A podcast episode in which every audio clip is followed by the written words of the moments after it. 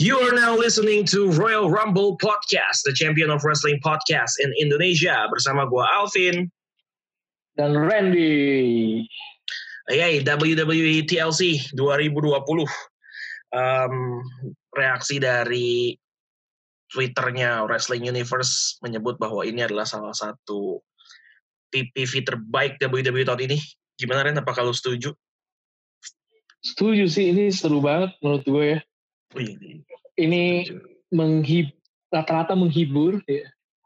sampai sampai selesai nonton itu kayak ngerasa wah ini untung PPV di set di tahun ini oke gitu loh. Iya, iya, iya, iya. Ya. Untungnya ya, Iya. jangan sampai tahun ini ditutup dengan buruk juga. Ternyata tidak mengecewakan. iya iya jangan sampai lah aduh kan kita udah melewati tahun yang sulit ya Betul. upaya begitu keras dilakukan sampai akhirnya ada Thunderdome gitu kan akhirnya kita harus terbiasa sampai akhirnya ada gimmick seperti film tapi akhirnya di PV kali ini tuh kita wah pokoknya dimanjakan sekali lah gitu Betul sekali. Em, dan ngomong-ngomong soal Thunderdome, ini berhubung lu ngomong soal Thunderdome tadi ya lu singgung. Uh, Boleh kali diceritain ke para pendengar kita, gimana sih rasanya join di Thunderdome? Kan lu kemarin akhirnya berhasil mendapatkan kesempatan itu ya? iya sebelumnya terima kasih ya kita berdua ya untuk Yes. Continue yang Ya. telah memberi eh, jatah salah satu jatahnya dia untuk eh, kasih ke Royal Rumble untuk ikutan Thunderdome. Nah, kesan kesan kesan pesan lagi kayak kayak mau ngapain lagi. Kesannya sih apa ya? Seru sih. Ada perbedaan kalau lu nonton biasanya kita- kayak kayak gue kan nonton highlight doang ya, cari-cari gitu kan eh, bisa nonton. Tapi ketika nonton live langsung di Thunderdome ternyata tuh eh, sebenarnya ya kondisi mirip kayak lagi nonton dahsyat loh. Kalau nonton dahsyat live secara langsung. Gimana, gimana, gimana, gimana Jadi- maksudnya se- eh, kayak nonton dahsyat? Iya, jadi itu seperti kayak tayangan live pada umumnya ya. Jadi sebelum mulai itu jadi memang ada pengarahan gitu kan. Dulu kita mau mulai lagi misalkan tiga apa dalam lima detik lagi kita siap heboh gitu kan. Ya, kita Oh, meriahkan suasana gitu. Nah, ternyata di sisi lain itu gitu ya bisa ya. Jadi ketika emang udah mau mulai eh, break tuh jadi kayak ada ada short brief, briefingnya gitu. Oke, kita akan mulai siap-siap ya action mulai. Tapi ternyata ketika nonton langsung secara Thunderdome, menurut gue tuh lebih tampilnya itu lebih teatrikal gitu. Teatrikalnya dalam arti kata itu lebih lebih meng- menggerakkan gitu loh. Nontonnya itu lebih be- berasa berdebar gitu, berasa berasa beda gitu. Atmosfernya berasa karena begini, misalkan kayak terakhirnya gue nonton sempat nonton segmennya Roman Reigns tuh. Yep. Nah, jadi ketika dia lagi lagi lagi ada uh, scene backstage-nya lagi ngobrol, itu tuh bener-bener kayak ada ada musik latar yang jadi ya kayak bikin suasana jadi lebih tegang gitu loh.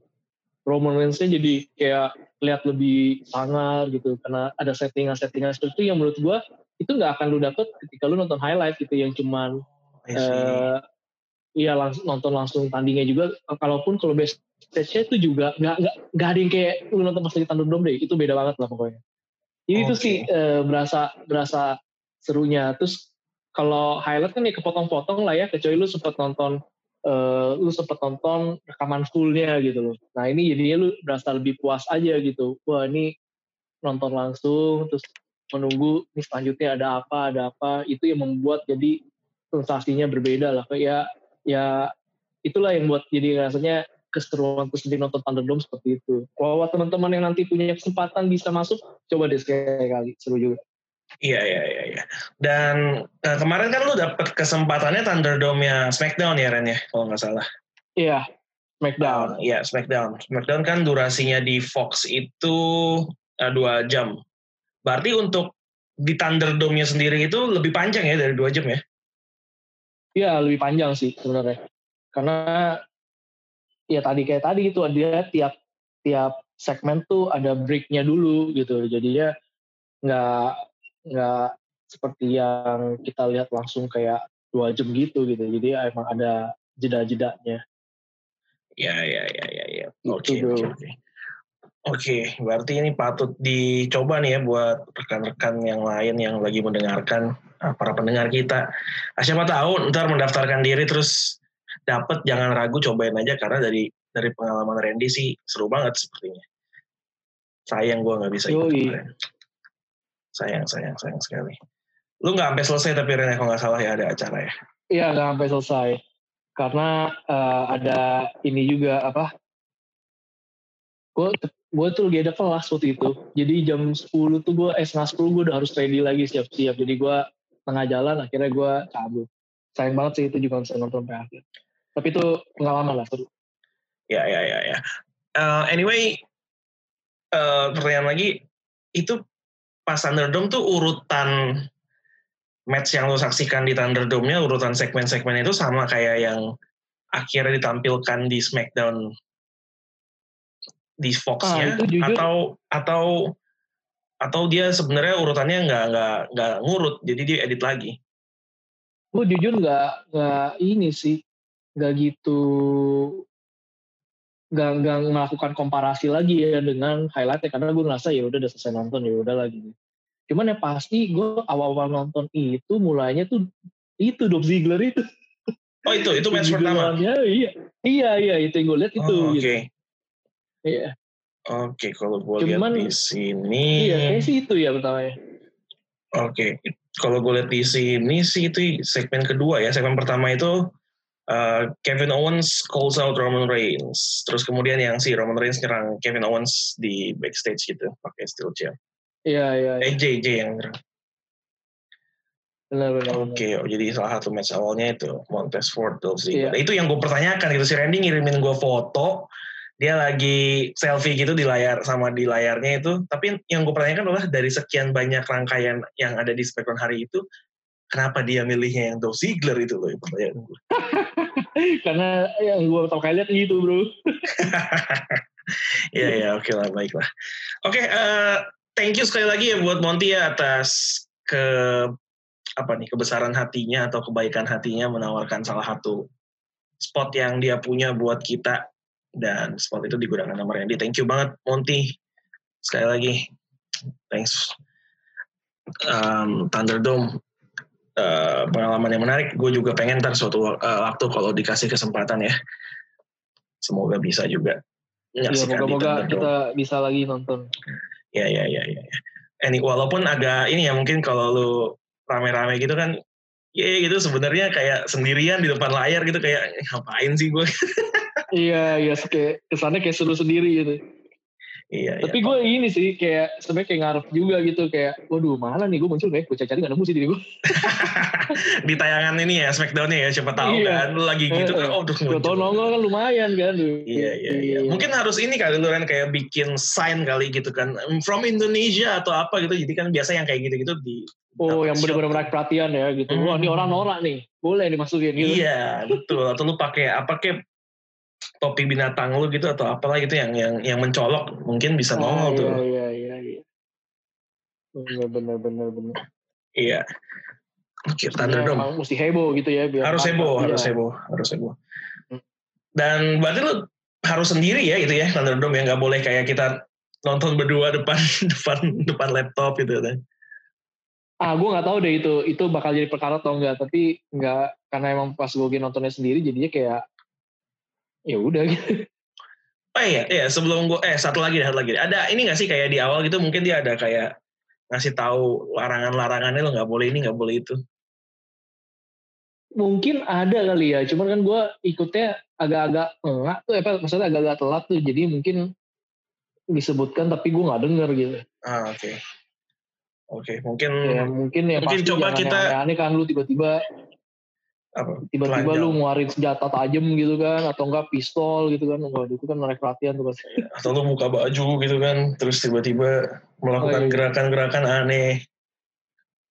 Eh iya. Sebenarnya kalau cowok buka baju nggak apa-apa. Yang penting jangan buka celana bahaya. Kan nggak kelihatan. Buka celana juga nggak apa-apa dong. Apa? Kan nggak kelihatan kalau buka celana. Apa? Ya kalau berdiri kan kelihatan. Ih, jangan Iya. berdiri kalau gitu duduk aja buka celana aja kan nggak kelihatan. Ngapain dia buka celana? Mungkin nanti kita bisa ngundang Monty kali ya untuk untuk dia cerita juga ya Mungkin mungkin kemarin gue belum sempet bisa, bisa. dia lagi sih. Dia mungkin ikut dari awal sampai akhir banget. Mungkin bisa cerita nih gimana secara keseluruhannya. Iya. Oke, kita kita kembali ke pembahasan kita untuk TLC ya.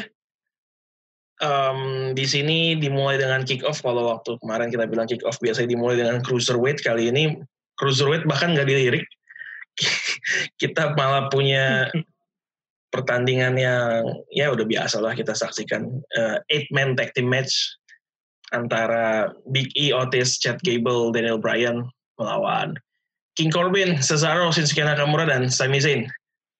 Uh, terlepas yeah. dari action ya, terlepas dari matchnya, gue tertarik melihat nama-nama orang yang ada di dalamnya gitu. Gila, ini nama-nama orang yang nggak seharusnya ada di kick off gitu, sebagian besar. Karena karena musinya bisa tampil lebih atau karena apa? Karena bisa tampil lebih gitu loh. Kita kita lihat nama kayak Daniel Bryan, Cesaro, Shinsuke Nakamura, Sami Zayn, Big E gitu. Itu kan iya, iya. nama-nama yeah. yang harusnya ada di eventnya gitu loh, bukan di kick off eventnya, nama-nama besar ini uh, yang reputasinya juga udah mentereng. Kita nggak ngitung King Corbin ya, tapi yang lainnya gitu maksudnya. Sebagian besar lima dari delapan orang lah bisa gue bilang layak untuk tampil di eventnya. Ini berarti membuktikan bahwa memang WWE punya punya banyak superstar hebat, tapi banyak yang mereka nggak tahu. Gue apain superstar ini ya? Iya, iya, iya. Sampai akhirnya skenario umum ya. Skenario, skenario umum, umum. Tacting berjamaah. Eh, iya, iya.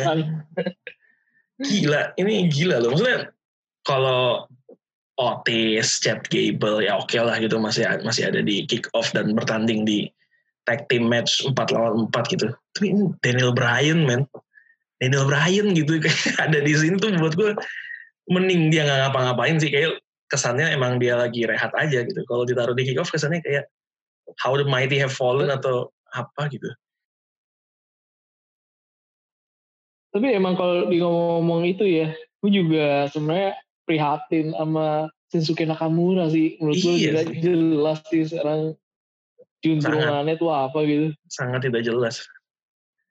Iya loh gitu. Dulu di NXT yang begitu sangar gitu kan, eh ke main roster jadinya seperti ini gitu. Kayak kehilangan taringnya gitu. Betul betul. Ini. betul. Uh, walaupun sebenarnya secara Jadi, apa ya secara uh, moveset secara penampilan gitu secara karakter nggak banyak yang berubah dari di, dari dia gitu ya. Perubahannya mau hanya dari face ke heel sekarang gitu.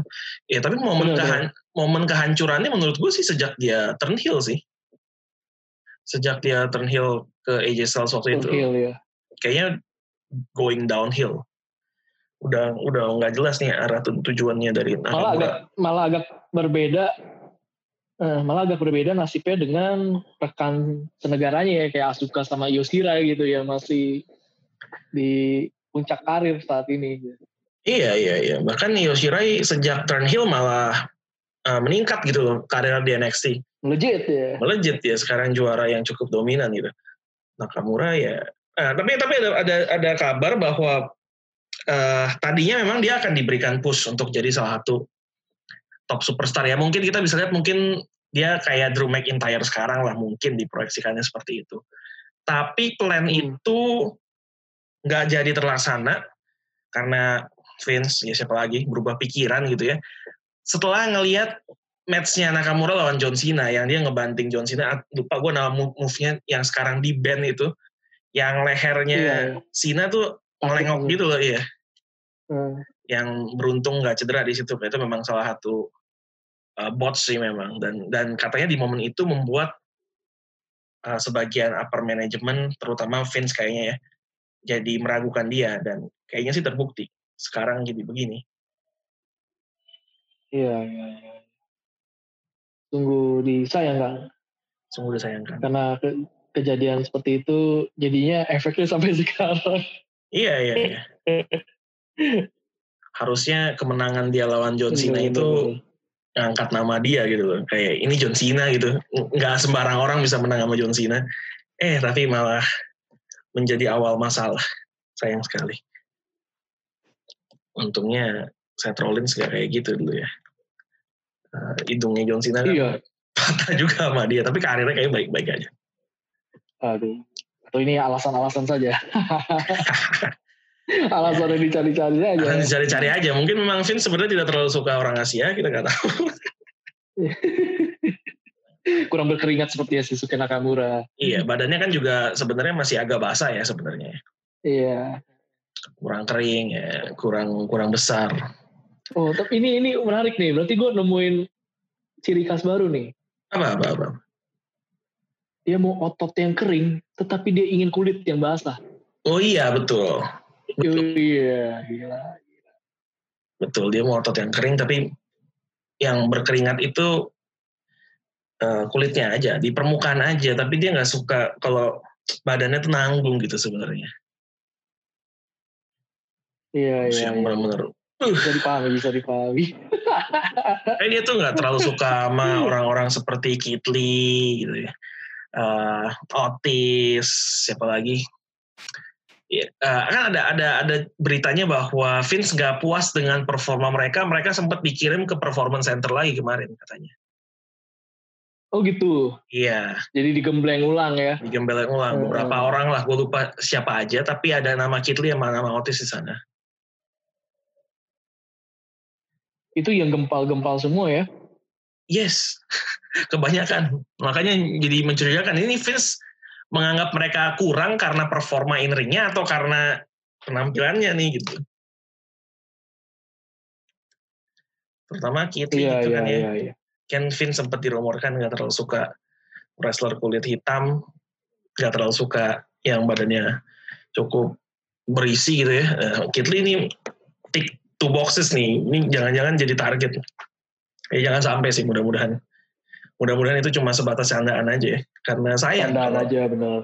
kalau nggak dimanfaatkan nih Kitli calon-calon superstar Berharap ini ya, berharap eh, Triple H yang mungkin bisa membawa keadaannya berbeda gitu ya, seperti dia di NXT kan kayaknya lebih gimana gitu. Ya harapannya sih ke sana ya cuma kita nggak tahu apakah akan menjadi kenyataan atau enggak gitu siapa tahu nanti ketika Vince saatnya melepas tampuk pimpinan itu dioper ke siapa atau apa yang akan terjadi ya kita nggak tahu. Iya, iya. Eh, tapi ngomong-ngomong soal Triple H, ya, eh, ada berita lagi soal soal Triple H em, yang mengatakan bahwa Triple H sedang dibujuk untuk melakoni sebuah pertandingan terakhir di WrestleMania. Lagi dibujuk nih, ayo dong Oh. WrestleMania lu tanding dong lawan gue. Dan sosok yang ngebujuknya ini adalah the phenomenal AJ Styles.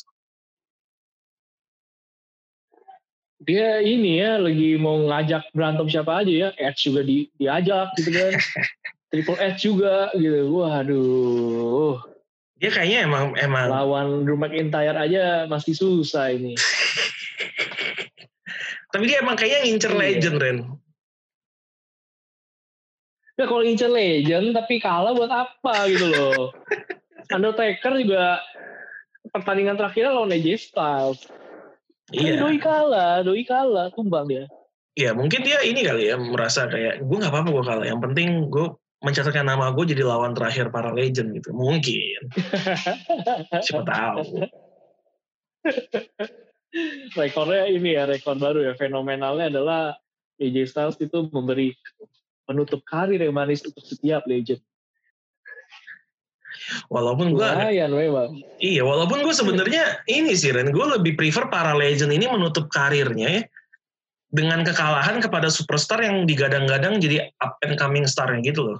Makanya waktu wak- waktu uh, Undertaker kalah dari Roman Reigns di WrestleMania dan mengindikasikan dia pensiun dengan naruh jaket dan topinya itu, itu menurut gue sebuah langkah yang bagus. Seberapapun Iya. nggak sukanya kita sama Roman Reigns saat itu ya, tapi itu langkah yang Iya. bagus karena itu jadi kayak simbolisnya, oke, gue kalah dari lo, this is your year. Wait, wait, wait, wait, tunggu, tunggu, tunggu, tunggu. Sorry, Vin, gue potong. Apa? Lu tadi ngomong se, se, sukanya kita saat itu gitu. Emang saat ini lu suka? ya saat ini kita harus akui ya, ini kita nggak bisa menggunakan kacamata bias kita lagi ini orang sudah menjadi top superstar di wrestling world saat ini ini nih hebatnya entire one tuh gini ya Iya, kalau dia sudah memalikan tangan, keadaan pun juga berubah. Iya, Hebat. kita nggak bisa. Ini hand of Midas nih, beda lah ini. kita nggak bisa spesial nggak bisa lama-lama jadi hater dia suatu saat akan jadi fans juga loh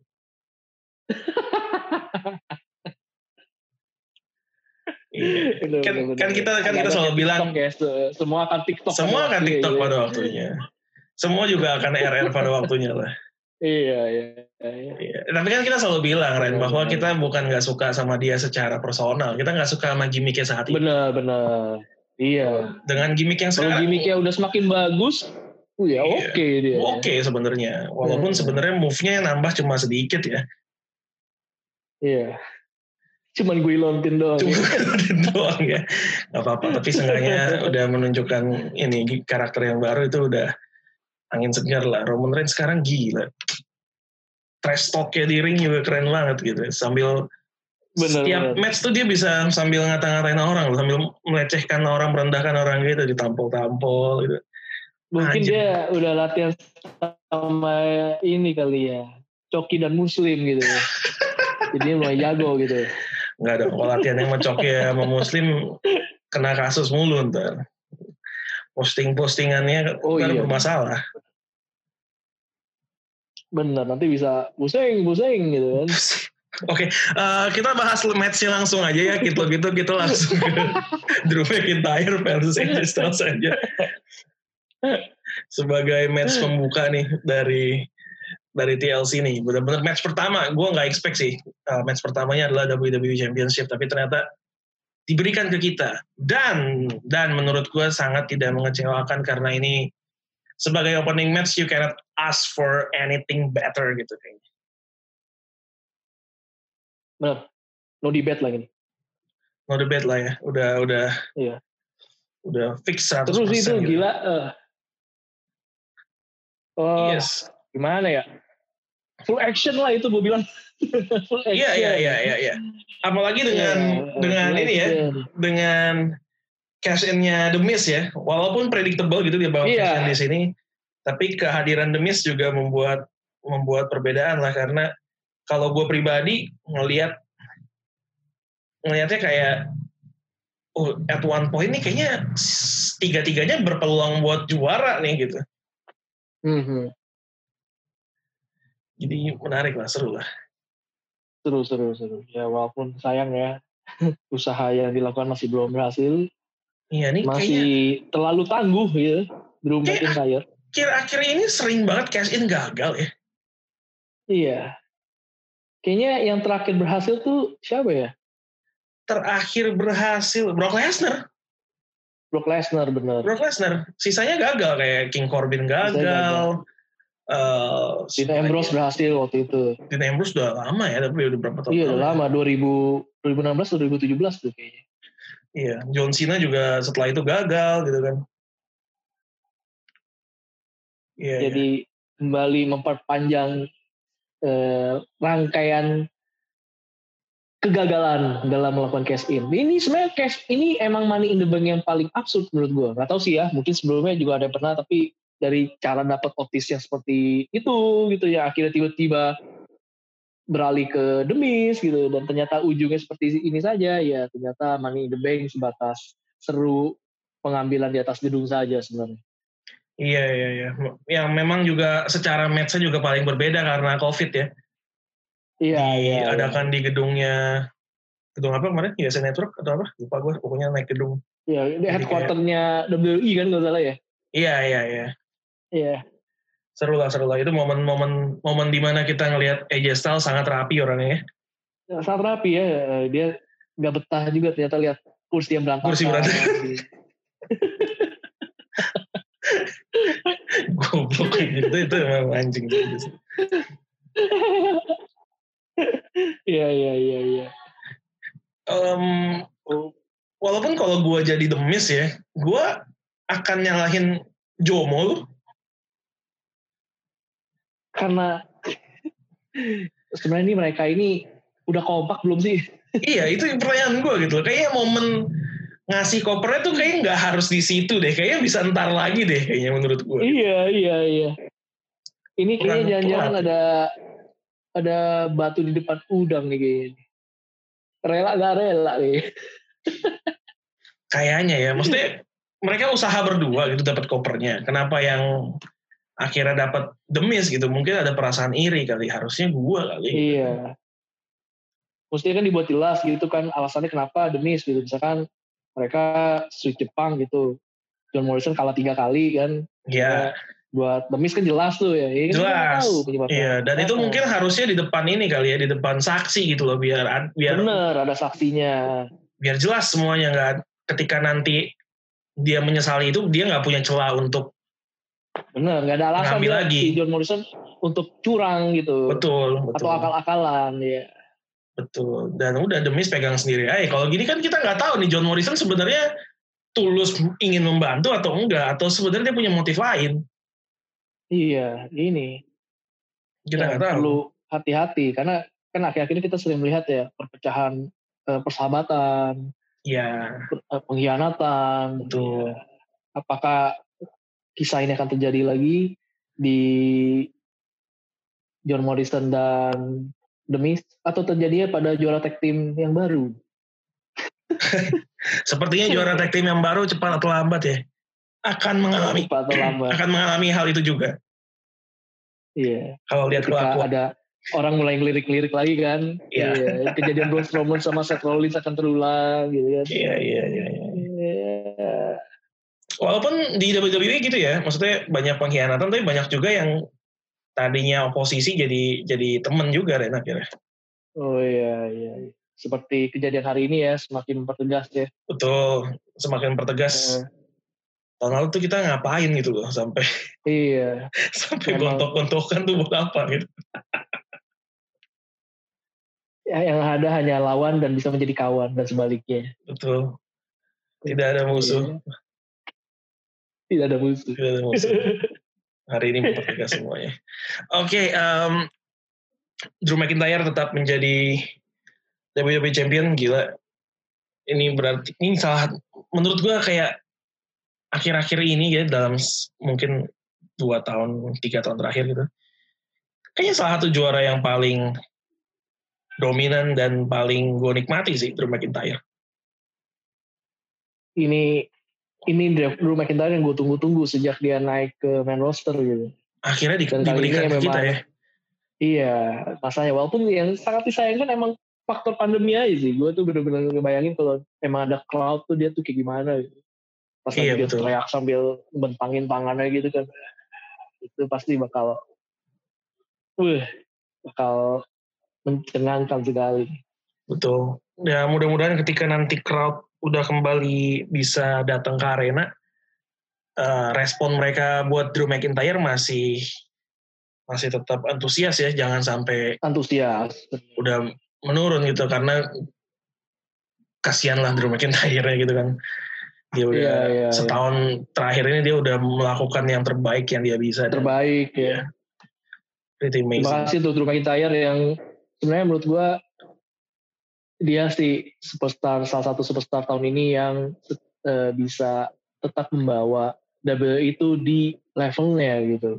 Betul. Di tengah situasi saat ini. Jadi ya mungkin semoga ada suatu saat ya ada momen nanti buat Drew McIntyre bisa menikmati kemenangan di tengah pendukungnya langsung. Yes, correct. Um, dan satu hal lagi dari match ini, akhirnya kita melihat bodyguardnya AJ Styles seenggaknya melakukan sesuatu gitu ya. Iya, yeah, iya. Yeah. The big almost. Benar, Gila dihajar pakai bangku, tidak bergeming. Gila masih baik-baik Tidak bergeming. Luar yeah. biasa.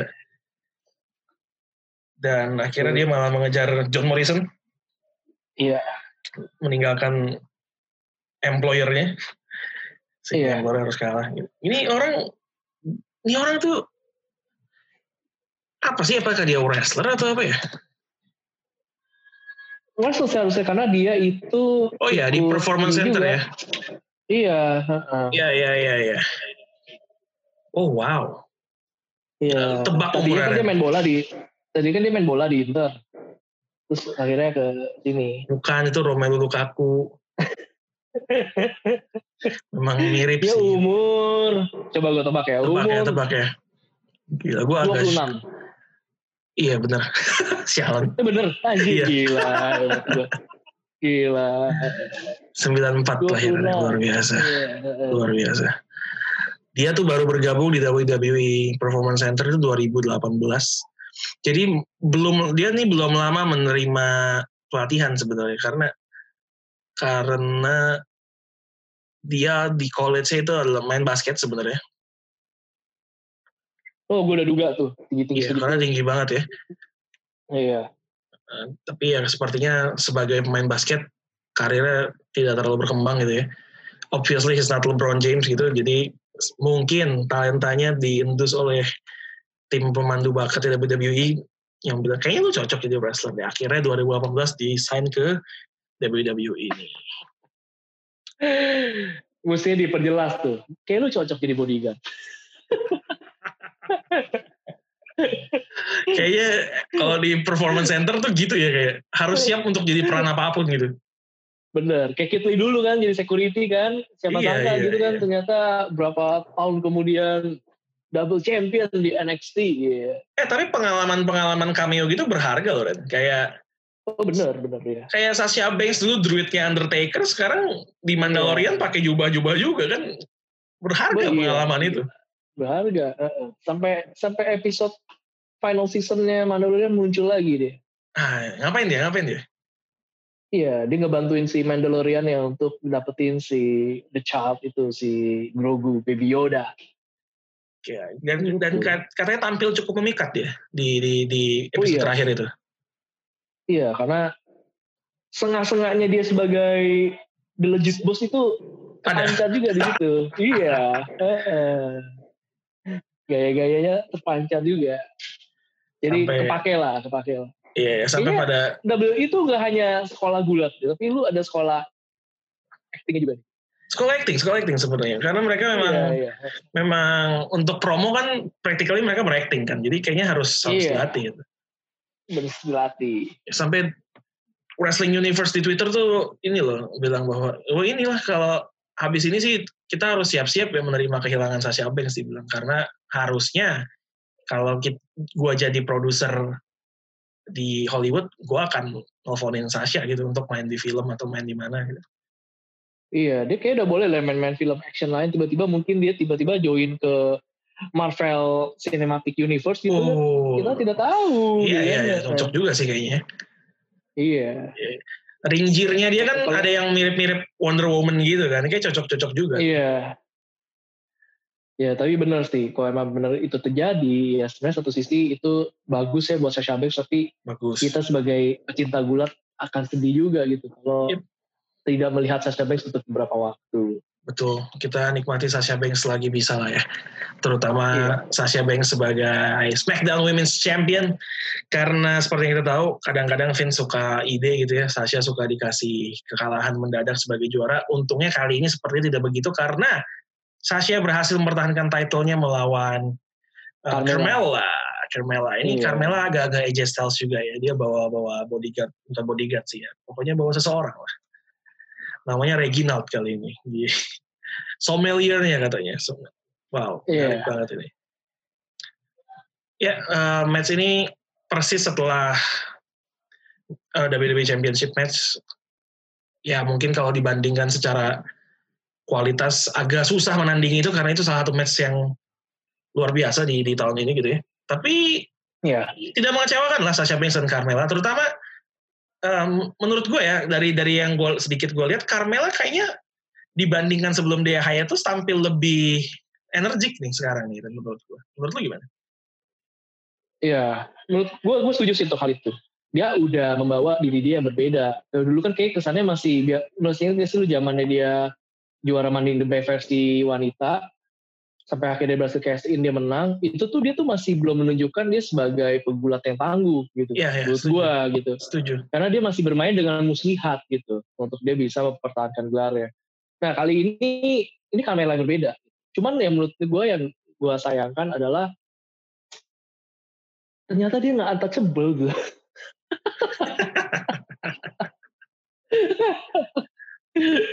gitu doang tuh. Masih belum bisa mengalahkan wujud bos ya. Belum, belum, belum, belum. Belum, belum, belum. Memang masih belum bisa sih menurut gue juga. Mm -hmm. Tapi, Tapi ya satu langkah maju ya. Langkah maju betul. sih. Iya, gue mengapresiasi betul. sekali sih Carmela saat ini dan moga-moga dia bisa semakin meningkat ya, semakin seru gitu kan. Jadinya kitanya juga semakin bersemangat untuk melihat Carmela yang baru ini. Betul, betul kalau gue tuh nyebutnya dulu Carmela itu iconic sebelum iconic sebenarnya.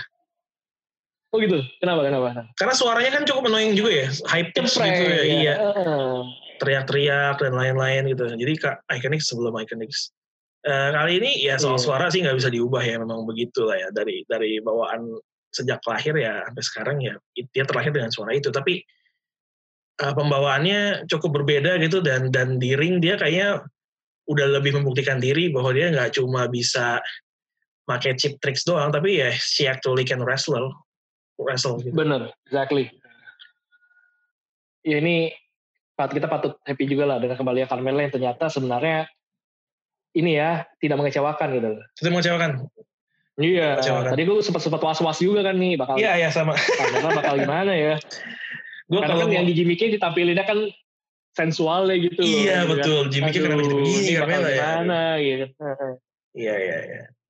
Walaupun kalau mau jahat ya kalau gue mau jujur gini walaupun jahat gue gue sebenarnya dalam hati gue tuh merasa gue nggak expect banyak sih soal Carmela gitu. Tapi kayaknya dia sedikit bisa membuktikan gue salah ya bagus lah. Bagus bagus bagus. Justru seperti ini nih gitu kan yang kita harapkan gitu. Iya ini yang kita harapkan dong dari divisi perempuan iya. gitu. Jangan jangan jangan langkah-langkah nggak jelas yang diambil kayak oke okay, Iconics dipisahkan kita pikir salah satu akan dipus menjadi solo kompetitor tapi sekarang dua-duanya nggak jelas mau ngapain gitu kan. Nggak jelas mau ngapain bener. Peyton Royce jadi satunya, sama Lacey Evans. Iya. Tag team lagi. Malah, uh -uh. malah Peyton lo sempat bikin konten sama Gordon Ramsay itu gimana iya, ceritanya? iya, gitu kan. Billy Kay-nya nyebar-nyebar CV gitu kan untuk untuk jadi iya. partner seseorang itu kan menurut gue ngaco satuin aja iya, udah. Iya, iya. Yang iya, harus iya. dipisah. Aneh-aneh. Aneh. Benar, benar, benar. Ya, walaupun sepakat ya bahwa the best woman win on the match, on the night, Sasha Banks retain. Iya. Oke, okay, uh, match selanjutnya seperti yang tadi sudah disinggung juga, kita punya the new Raw Tag Team Championships. Championship lagi champions maksudnya. New Raw Tag Team Champions. Uh, which is the Hurt Business yang diwakilkan oleh Shelton Benjamin dan Cedric Alexander berhasil mengalahkan The New Day. Uh, New Day tetap New Day tampil impresif walaupun dalam kekalahan. Uh, yang menarik seperti yang tadi Randy bilang nih apakah sebentar lagi mereka pecah. Kelakuannya Cedric Alexander ya? Iya. Ngehe-ngehe juga nih orang sebenarnya. ya, jadi semakin menarik untuk diikuti nih sebenarnya. Iya iya iya. Udah berapa minggu loh dia tag team menang tuh selebrasi sendiri merasa everything is all about me gitu kan kayaknya iya, iya. menarik Mereka nih untuk uh, padahal dia member paling baru loh dari dari Earth Business iya ini kalau kalau istilah itu kacang lupa kulitnya ini Betul, dia dia bisa sampai dia. dia bisa mendapat opportunity ini tuh ber, ber, berkat the hurt business loh. Sebelum hurt business jadi iya. apa dia? Benar benar. Jangan sampai nanti tersingkirkan, nah karir anda tenggelam. hmm, jangan sampai, jangan sampai. Iya. Ya, tapi tadi Cedric Alexander memang memang uh, wrestler yang cukup uh, cukup bagus gitu ya yang oke okay lah uh, yeah. secara performa di ringnya. Uh, tapi mau gue tanyakan ke lu adalah soal Shelton Benjamin ya Ren sebenarnya. Uh, hmm. Ini kan seorang veteran ya, udah yeah. berpuluhan tahun gitu, udah puluhan tahun ada di industri ini gitu dan sempat menjadi salah satu nama yang cukup prominent juga di, di WWE. Sekarang balik untuk untuk periode keduanya sama WWE beberapa tahun periode beberapa tahun pertama di periode kedua ini nggak berjalan dengan baik gitu karena dia kayaknya cuma jadi cuma jadi apa ya ibaratnya bukan mid carder lah gitu low carder kali udah apa sih namanya udah. Nggak jelas lah. Nggak jelas memang. Yang paling gue inget dari Benjamin sebelum The Hurt Business adalah sempat jadi tag team partnernya Chad Gable. Iya benar Jason benar. Jordan. Iya iya iya itu doang tapi ini sekarang diberikan spotlight yang lumayan nih berkat The Hurt Business dan sekali lagi berhasil menjadi tag team champion. Pendapat tuh mengenai Benjamin yang sekarang gimana dan masih masih cukup baik kah di ring atau atau seperti apa? Kalau baik sebenarnya gue yakin masih baik Vin. Dia tuh tetap orang yang berpengalaman. Cuman justru menurut gue ini bagus. Artinya sebenarnya WWE itu menemukan cara yang bisa capitalize kemampuan Shelton Benjamin lagi walaupun menurut gue memang nggak bisa dipus dia terlalu tinggi sih ya karena karena mungkin faktor uh, umur ya, juga kali ya. Umur terus warna kulit daya tarik kali ya gitu kan jadinya yang dirasa Elton Benjamin ya mungkin ada ada limitnya lah tapi ya, dia ya, tetap ya. bisa membawa sesuatu hal untuk ditawarkan nah makanya menurut gua dengan ada The, The Hot Business ini itu bisa mengakomodasi banyak termasuk Bobby Leslie gitu ya akhirnya terselamatkan dari tiraninya uh, kisahnya dengan Lana gitu kan dan yeah, ternyata yeah. MVP juga bisa cemerlang dengan posisinya saat ini gitu. Menurut gue nih ini ini uh, suatu ge, keputusan yang berhasil sih untuk the hot business dan ternyata mampu mencuri perhatian banyak orang juga gitu kan menikmati sepak terjang mereka gitu. Even lebih lebih menarik the business lah dibanding retribution yang saat ini juga ya gimana ya yang saat, menurut gue salah satu keberhasilan uh, retribution saat ini adalah berhasil si Miaim itu membuat Kitli tidak sadar bahwa itu adalah dia gitu. itu ya prestasi paling tingginya retribution tuh itu ya sebenarnya. Prestasi paling tinggi ya, iya benar itu. Oke. okay. Berhasil mengalami Kitli sampai sekarang gitu. iya iya iya iya betul betul itu gue setuju sih.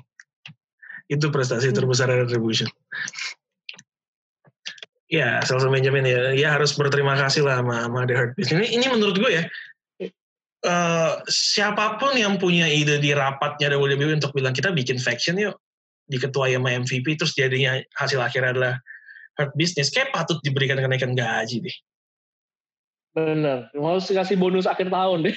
iya, bonus akhir tahunnya harus tinggi lah menurut gue karena Bener, iya. Karena dia bisa bisa mengumpulkan orang-orang yang mohon maaf kasarnya adalah kemarin tuh jadi sampah gitu WWE nggak ngapa-ngapain iya, atau bener, bener. dikasih peran yang busuk banget gitu dibikin jadi sesuatu yang kita semua jadi peduli sekarang bahkan sekarang mereka pegang dua gelar gitu loh ini menurut gue harus diberikan iya, iya harus diberikan apresiasi sih yang punya ide ini gila. Benar benar benar. Luar biasa. Gue jujur mungkin kalau orang itu bisa lagi lagi rapat kreatif gitu ya ayo kita bisa bikin apa lagi nih menarik gitu. Ada yang ngusul kayak gitu gue mungkin awal juga bisa sanksi kali gue ragu gitu. Harus seriusan? Sebuah apa faction yang dikutai sama MVP gitu kan? Iya iya terus Jadi ternyata iya, terutama iya, kalau dia juga. bilang dia bilang ininya Ren dia bilang membernya oh, oke okay, ketua factionnya MVP oke okay. isinya siapa aja Uh, gimana kalau Bobby Leslie, Shelton Benjamin, Cedric Alexander? Gue sih akan gue ketawain ya ide itu sebenarnya. Iya. Serius lu. Mana berhasil? Gue bakal kayak gitu sebenarnya. Iya, iya, iya, iya. Berhasil loh, gokil. Di luar dugaan gitu ya. Di luar dugaan, di luar dugaan.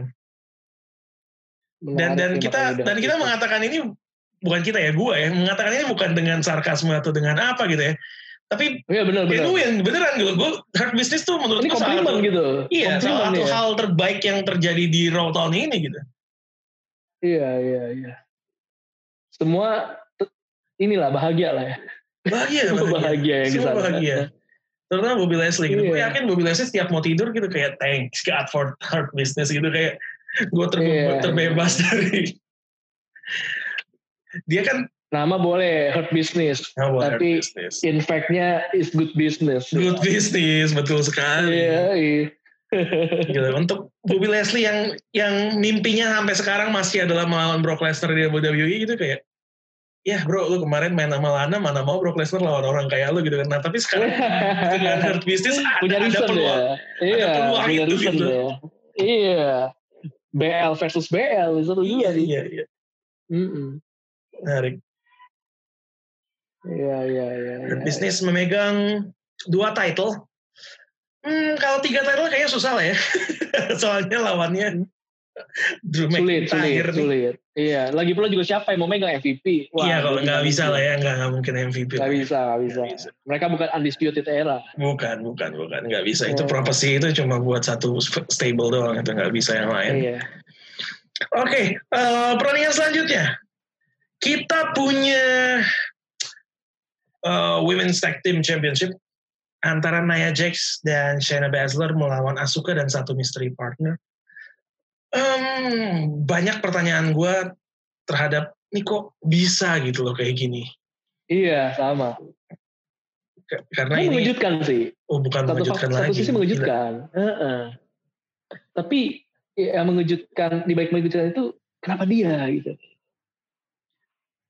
Iya itu dia, itu dia masalahnya. Uh, kenapa dia gitu? Padahal Billy Kay udah udah apply gitu kan. Ya tapi Billy Kay. Gitu. Gak mungkin terima kan. Ya udahlah. Nah ini, ini sebenarnya kasihan sih. Ya padahal Billy Kay udah uh, kasih CV gitu kan. Udah kasih CV gitu. Tapi tapi reason ditolaknya karena namanya sendiri. Tapi ya ini Billy Kay. Tapi Billy Kay. Orang kasih banget sama Haji. Sedih banget. Tai, tai, tai, tai. Kalau ada kayak gitu, orang kan, orang kan bisa, sorry lu gak bisa masuk. Kenapa gitu? Eh, karena kemampuan lu belum mumpuni gitu. Oke. Okay. Karena lu tingginya belum cukup gitu. Ya, pengalaman kurang banyak. Pengalaman kurang ya. Tapi lu gak bisa karena lu Billy Kay. sumpah, kasihan. Gue gak ngerti tuh cara nolong hidupnya kayak gimana kalau kayak gitu. Sumpah. gue gak ngerti siapa bisa nolong dia lagi kayak gitu. Berat sih. Even Paul Heyman kayak gak nolong. Berat, berat, berat, berat, berat. Gak bisa, gak bisa. Kalau ada disebut, kalau nih ini buat siapa pun nih berarti yang denger. Kalau orang nolak lu karena alasan yang nyebut nama lu, wah lu, aduh, gak tau lagi. Gila apa itu hidupnya. iya ya. Tapi gue yakin mereka punya temen kayak gitu dan kayak yang yang dari dari sosok kayak kita lihat kayaknya emang gak bisa. gak bisa. Masa sih lu gak punya temen kayak gitu? Pasti ada lah. Dipikir baik-baik selama hidup lu sepanjang ini udah udah, udah sekian tahun gitu ya. At least ada satu gitu. Iya, ya. ada satu lah orang yang kayak ngeliat dia kayak kayak gue sih kalau dia mau nawarin ke mana kayaknya nggak bisa deh orang ini. ya sayang sekali ternyata kalau di WWE punyanya itu adalah Billy Kay ya. Billy Kay. Kay sekali. Billy Kay. Sayang sekali itu Billy Kay itu kalau kata Adriano Colby di stand up ini kayaknya tipe-tipe orang yang kalau jadi korban penculikan tuh nggak laku buat ditebus itu. gak ada yang nyariin juga ya. Gak ada yang nyariin gitu. Misalnya kasih 2 juta atau Billy Kay gue tembak mati. Nggak bang nih 3 juta saya aja yang tembak sendiri. Mungkin bisa kayak gitu. Iya, iya, iya. Billy Kay. Gue juga gak tahu kenapa bisa seperti itu. Ya oke kita kembali ke uh, pilihan partner Asuka. Uh, terlepas dari kalau kita bertanya-tanya kenapa udah nggak mungkin dapat jawabannya lah jawabannya jelas gitu karena karena Vince suka sama dia gitu kan. Udah jelas she's blonde uh, she got the the body dan macam-macam lah. And she's a flair as well. Jadi nggak heran. Tapi apakah harus gitu ya? Untuk orang yang udah absen cukup lama first match-nya dia di PPV dan menang juara gitu loh. Ini mungkin bisa dibilang agak-agak RR versi cewek. Ini RR memang sih emang. Iya, uh, iya ini agak RR versi cewek ini. Iya, Muncul yeah, langsung punya sesuatu gitu kan. Iya. Sasa iya, iya. itu butuh waktu gitu loh. Even Roman Reigns saya tuh juga butuh waktu sebenarnya. Iya ya dia nggak nggak ini ya, iya. ya nggak benar-benar nggak benar-benar gitu kemunculan kan. pertamanya nggak sih? Iya. Uh -uh. Ini sekali muncul juara tag team luar biasa. Ya, gue nggak akan heran kalau eh, sayangnya Raw udah berjalan ya. Tadi gue mikir kayak pas di Raw Charlotte mau ngomong dia pakai baju show up and win, gue nggak bakal heran gitu loh. Karena that's exactly what she did gitu loh. Iya, iya. Wah, iya, and win iya, iya. brengsek banget kayak Ih, gimana gitu loh. Ini ini menurut gue adalah problem yang sama kenapa orang nggak suka Romulen saat saat kemarin karena over push gitu. Gak ada masalah Ini sama udah- udah lebih kayaknya ya. Iya, udah lebih ya. Gak ada Dengan masalah sama sih oke. Heeh. gak ada masalah sama, Sama orangnya. kemampuannya, gak Iya. ada masalah sama apa move-move-nya atau apapunnya gitu. Tapi ya, ya emang harus dikasih juara sebanyak itu. Gue nggak nggak ngerti sih.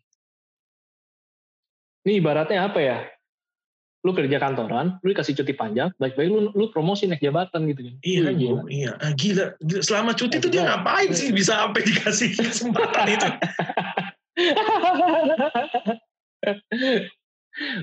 Walaupun faktor ini katanya pemulihan ya, ada apa? Buat recovery gitu ya. Iya kan, Dia jeda panjang ya. ya tapi recovery justru justru itu kalau masih recovery kok bisa juara gitu kan aneh. Iya, iya sih. Ini emang ya kayak mungkin kayak lu bilang ada faktor ya she's the player ya. Jadi gitu deh. Mungkin mungkin. Terus yang paling Mungkin. anjir, yang paling bangke lagi di Raw dia ngomong, gue tuh orangnya gitu dia bilang. Kalau apa all a friend have to do is call me and tell me they need my help. Dia bilang Asuka tuh temennya gitu kayak dulu Sejak perasaan kapan mereka? Sejak kapan mereka temenan? Sejak Gue kok jadi Asuka? Gue jadi Asuka gue gak mau. Gue kenapa? Dia orang yang pertama kali berhasil mengalahkan dirinya. Iya gitu. Nah, Iya. kita masih ingat sejarahnya mereka lah. Mereka tuh sering berantem gitu kan, sering-sering Sering sering berantem, sering ya. konflik gitu loh. Terus bisa-bisanya dia sekarang seenak jidat ngomong, she is my partner and friend kayak tai Iya. Gila, gila. Itu lah, kalau ada lagu latarnya juga atau Frank cocok tuh berarti itu ya. Iya cocok. Seharusnya dia masuk Firefly Funhouse. iya, bener. Bener. This is the friendship that will never ever end. Iya. Look at never never end ya. Really, ini really selalu- glad that you're our friend. iya. Emang di WWE itu itulah uniknya lah ya. Teman Iya. dekat jadi berantem, terus lu Betul. jadi teman gitu. Emang itu adalah fenomena yang biasa sebenarnya. Betul, betul. Iya. Ini yang gue demen dari WWE. Mereka memang potret nyata kehidupan asli. Iya. Cuman beda ini kan yang kali ini gak ada alasan aja gitu. Gak ada alasan aja memang. memang. Lebih masuk akal mereka tiba-tiba akrab gitu. lebih masuk akal. Jokowi nunjuk Prabowo jadi menhan gitu karena Prabowo yang punya Iya. backgroundnya gitu. ini apa? bener. Nggak ada bareng, kan. Naik kuda Pernah, bareng. pernah saling berkunjung, pernah ngeteh bareng gitu kan. Ini apa gitu. Iya kita nggak pernah ngeliat Charlotte nyambung gitu kan. eh, nggak bisa bahasanya kayaknya. eh, Iya, suka suka teriak yang Jepang-Jepang gitu kan. Eh, Lu friend dari mana gitu kan. Iya.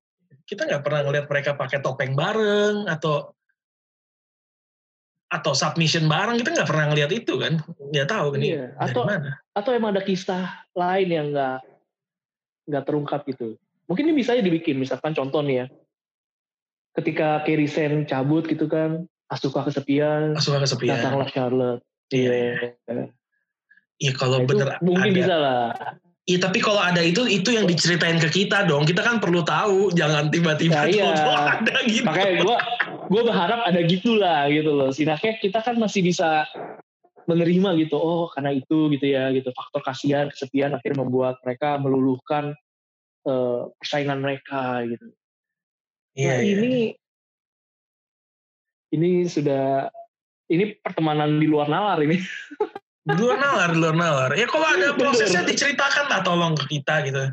Jangan tahu-tahu berteman aja kita nggak tahu juntrungannya dari mana. Ibaratnya lu ngelihat Avengers itu yang tadinya mungkin abis Civil War eh terus tiba-tiba mereka salah satu lagi mungkin karena Amerika lagi berantem terus tiba-tiba Iron Man ngomongin loh perasaan mereka kemarin berantem. Oh iya pas lagi durasi film lalu sama sekarang kita tuh udah sering ada ceritanya. Itu yang diceritain ke kita dong kita kan perlu tahu Iya iya iya. jangan di time skip begitu aja terlaluan ini yang paling kasihan dari semuanya tapi Lana Ren. ini harusnya dia Iya mesti dia ya. ini harusnya momen dia gitu tapi Heeh. ini memang dia emang. tapi emang kalau tandemnya Lana belum tentu hasilnya begini sih Iya iya. kecuali Lana di apa di portraynya tuh semeyakinkan Carmela ya. Mungkin bisa lah gitu kita punya gambaran oh itu skenario itu mungkin terjadi gitu. Tapi ya seperti itulah. Mungkin tapi sayangnya Lana di portraynya uh, bahkan dia menang di Survivor Series saja begitu kan. Jadi kita nggak yakin. Iya. Sayang sekali gitu. Bayangin dia menang di Survivor Series saya tuh ekspresi menangnya tuh kayak lagi menang Miss Universe gitu loh. Bukan kayak lagi menang seorang menangnya menang terharu gitu kan. Iya, iya betul. Sayang sekali. Ya, tapi ini okay. hebat lah, Charlotte lah. Yes. Hokinya dia lah. Ah, bukan hoki menurut gue ini mah memang ada sesuatu going on behind the scene nih. Yakin. Oke, okay, kita lanjut match selanjutnya ini yang sudah ditunggu-tunggu jelas. Uh, tentu saja Universal Championship Roman Reigns versus Kevin Owens. Ini juga salah satu match yang bagus ya. Iya, yeah, iya. Yeah. Kalau bisa dibilang mungkin levelnya on par sama opening match kita. Benar, benar. Ini Gila. akhir pembuka sama penutup tuh, uh, pecah. Eh, penutupnya bukan ini. Oh ya benar bukan ya. Bukan, ya, masih ada lagi. lagi. Itu lebih gila lagi sebenarnya. Lebih gila lagi benar-benar. Lebih gila lagi. Gila. Main main api ya. Main api. Tapi ini Roman Reigns emang hand of Midas ya. Kayak kayaknya setiap match dia sekarang akhir-akhir ini selalu dapat rating yang bagus gitu. Kayaknya dia udah paket komplit sih, emang harus diakuin ya. Walaupun performa ya. eh, ya begitu-gitu aja, tapi memang ada perbedaan Ren. Sekarang dia perbedaan. storytelling storytelling uh. juga dia di ring gitu loh. Iya. Jadi iya. menarik gitu loh. Oh iya. Eh, sekarang uh, kecenderungan dia sering komat kamit sendiri di sering komat kamit sendiri. Oh iya. Itu Sambil nempeleng nempeleng tipis beda. ya. Iya. What you doing? What you doing? Anjir. Iya. Beda banget penampilannya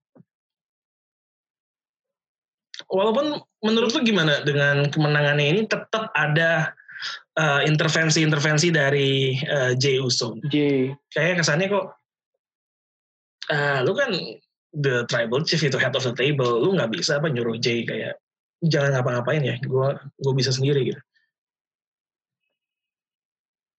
Eh, uh, menurut gue atau fine fine ya? aja buat lu menurut gue ini fine aja sih dengan role-nya Roman Reigns sekarang yang jadi heel ya.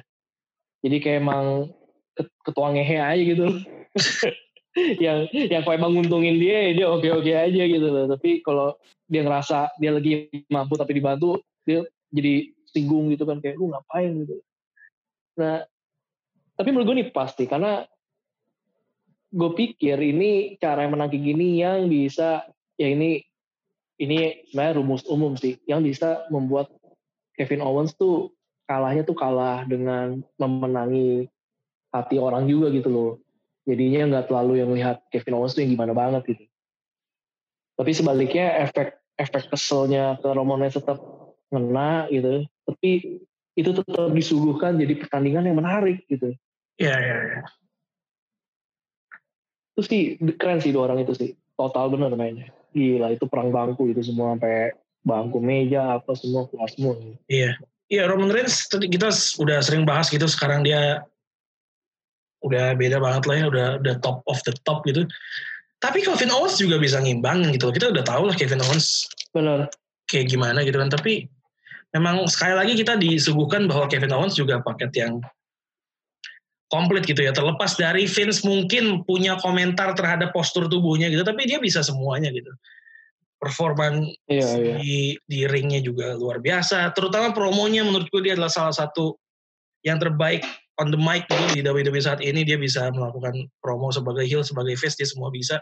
Benar penuh emosi bisa lucu juga bisa dia kayak juga bisa melakukan semuanya gitu. Jadi jadi menurut gue satu lagi kelebihan Kevin Owens ya uh, promonya itu selain menarik tapi menurut gue menurut gue nih ya sejauh ini yang gue perhatiin dia yang paling mudah dimengerti promonya.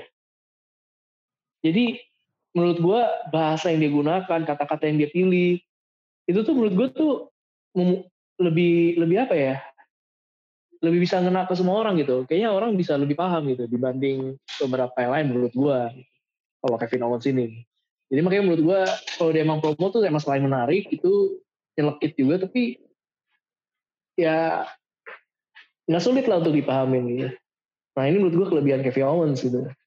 Yang mungkin di lain tuh kayaknya belum belum ada yang mirip-mirip kayak dia gitu untuk saat ini ya. Ya ya ya, setuju sih. Bahwa secara promo dia memang cukup cukup articulate lah ya dia pemilihan kata-katanya yeah. gitu ya. Beda mungkin sama Jay Uso waktu waktu waktu yang dia masih konflik sama Roman Reigns gitu. Dia juga promonya kan emosional uh, juga berapi-api gitu.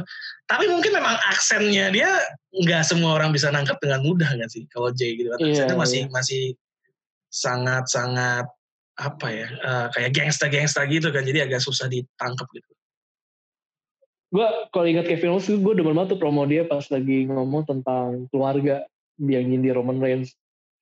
Dia bilang oh, yes. apa ya dia punya apa dia punya keluarga tapi kan nggak bisa dukung dia tapi dia punya apa punya temen toh family sih dia ngomongnya. Temennya itu bangku gitu. Terus ada meja gitu. Ini yang jadi teman-teman gue gitu. Dia oh itu keren banget tuh si Kevin Owens. Kevin Owens the best walaupun responnya Roman Reigns di Twitter juga bagus sih terhadap Kevin Owens kayak I respect everyone that tries to provide for for their family gitu. Tapi kalau lu ganggu island gue ya I, I'm going to remove you from the island gitu. Beuh, gila, udah bukan yard lagi ya sekarang. Bukan yard, island. island. Terserah dia lah. Gila, kan. Nanti ngomongnya my earth gitu, my world. Gitu. my planet. Oh nggak bisa. Waduh. Nggak bisa. Kalau planet ada, udah ada. Coba kalau planet. Daniel Bryan waktu itu kan planet-planet gitu. Oh iya iya iya, iya. susah lah. The Planet Champion. Environmentalist susah. Susah. Susah. Environmentalist. Susah. susah. Um, ya environmentalist juga pastinya akan sedih ya ngelihat match yang terakhir ini. Uh, Randy Orton versus The Finn, Bray Wyatt di Firefly Inferno match um, rulesnya sebenarnya sama aja kayak Inferno match biasa tapi kayaknya karena ada Bray Wyatt jadi ada embel-embel Firefly-nya gitu kan dan matchnya gila secara secara setup gitu ya. Gila menarik banget sih. Terutama di tengah-tengah. Oh iya. Apinya gokil ya. apinya keren ya. Keren keren keren. Keren juga sih. Keren keren keren. Keren. Dan itu sebenarnya itu pertaruhan sih menurut gue gila. Untuk sebuah gimmick itu kan sebuah gimmicknya Bray Wyatt investasi itu gede juga gitu untuk hanya untuk seperti itu sebenarnya. Iya iya iya, gitu total iya, juga. Ya, itu emang memanjakan mata. Uh, iya. Betul.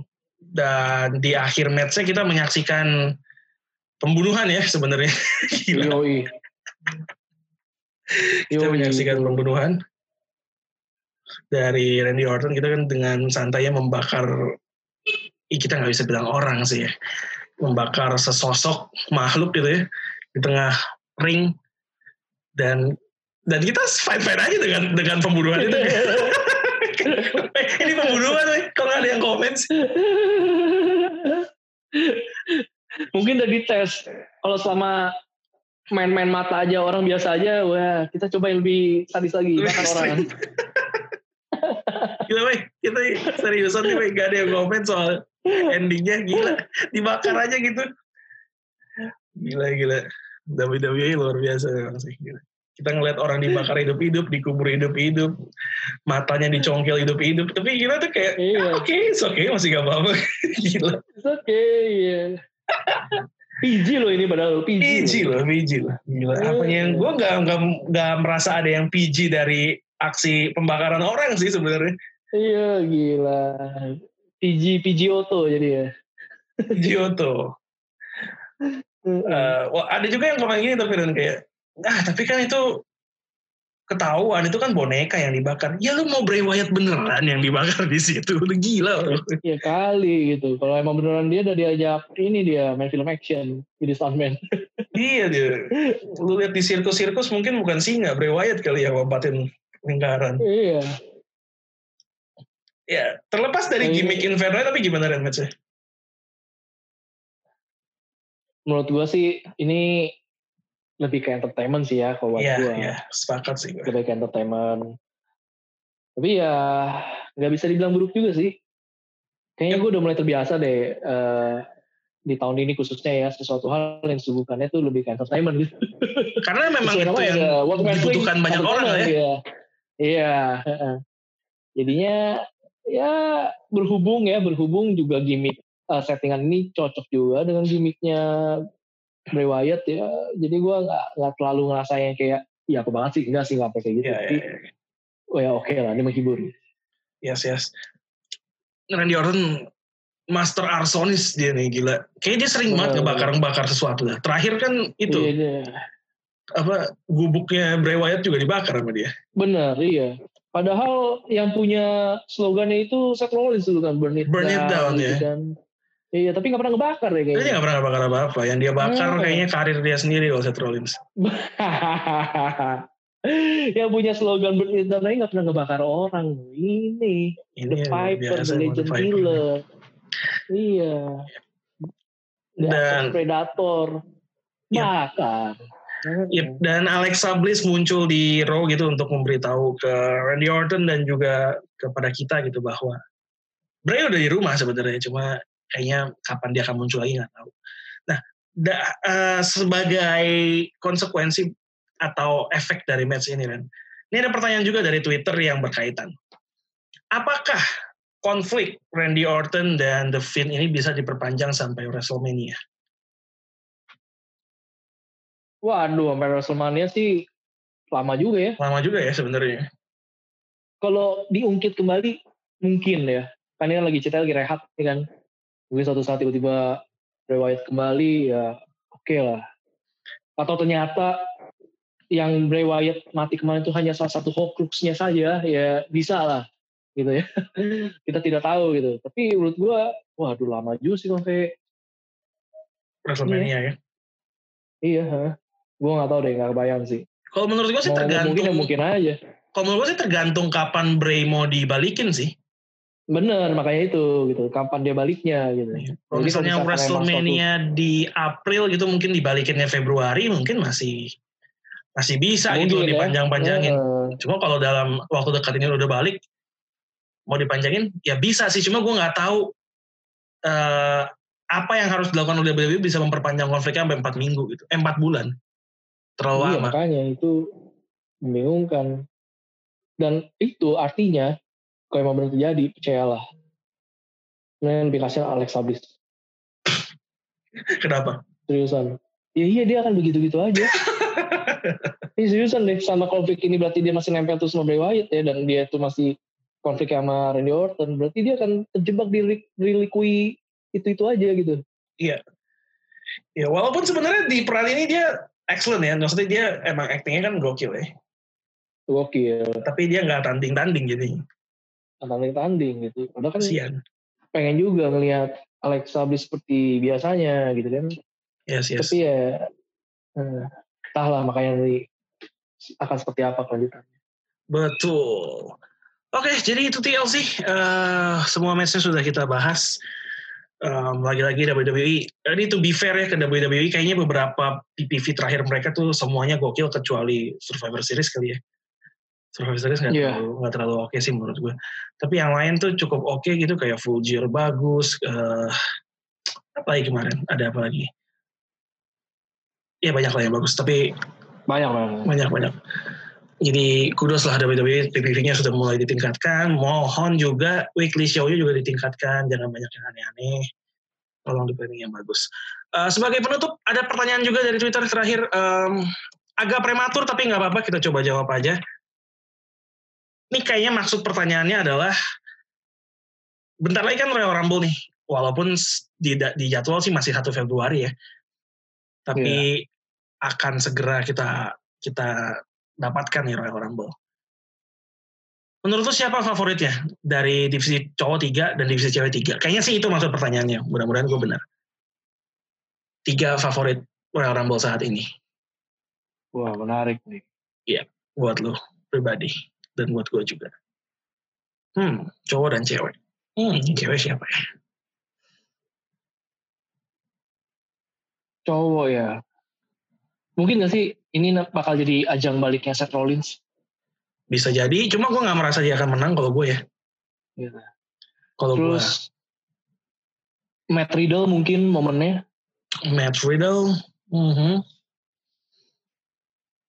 Atau obvious Atau... choice mungkin Kitli kali ya. Maksudnya kalau uh, fan favoritnya gitu mungkin Kitli kali ya. Gak tau kalau yeah, Tapi, kalau misalkan, sih. Iya. Tapi kalau Kitli menurut gua uh, ya bisa juga sih. Tergantung deh ya. Karena menurut gue nih Royal Rumble ini penting nih ngebuka jalan untuk ke WrestleMania juga bisa. Betul. Kalau gitu, nah, jadi mungkin kita pilih yang ini. kita pengen lihat kali ya, kalau gitu daripada favorit yeah, kan agak uh, susah ya ngebahasnya.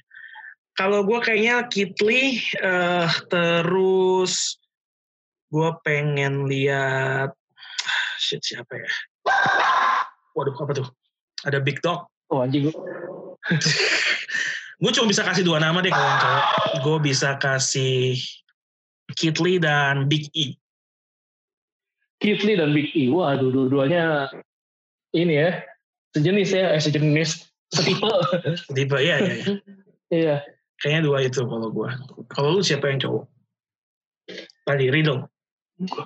Uh, enggak sih, gue oh, Riddle kayaknya agak susah ya gue iya, nggak iya, melihat susah. kayak profile Riddle bisa untuk masuk ke perebutan yang benar-benar yang championship kayak WWE championship ataupun universal ya. tapi uh, menurut gue yang mungkin bisa lawannya Drew McIntyre kali ya nanti ya dibanding Roman Reigns kayak Roman Reigns nanti punya jalannya sendiri ya apa tapi ya uh, ini sulit nih Sulit, sulit. Ini sulit. sulit. Apa apakah tiba-tiba ada gebrakan gitu, tiba-tiba muncul siapa Adam Cole apa atau tiba-tiba Karrion Cross gitu ah.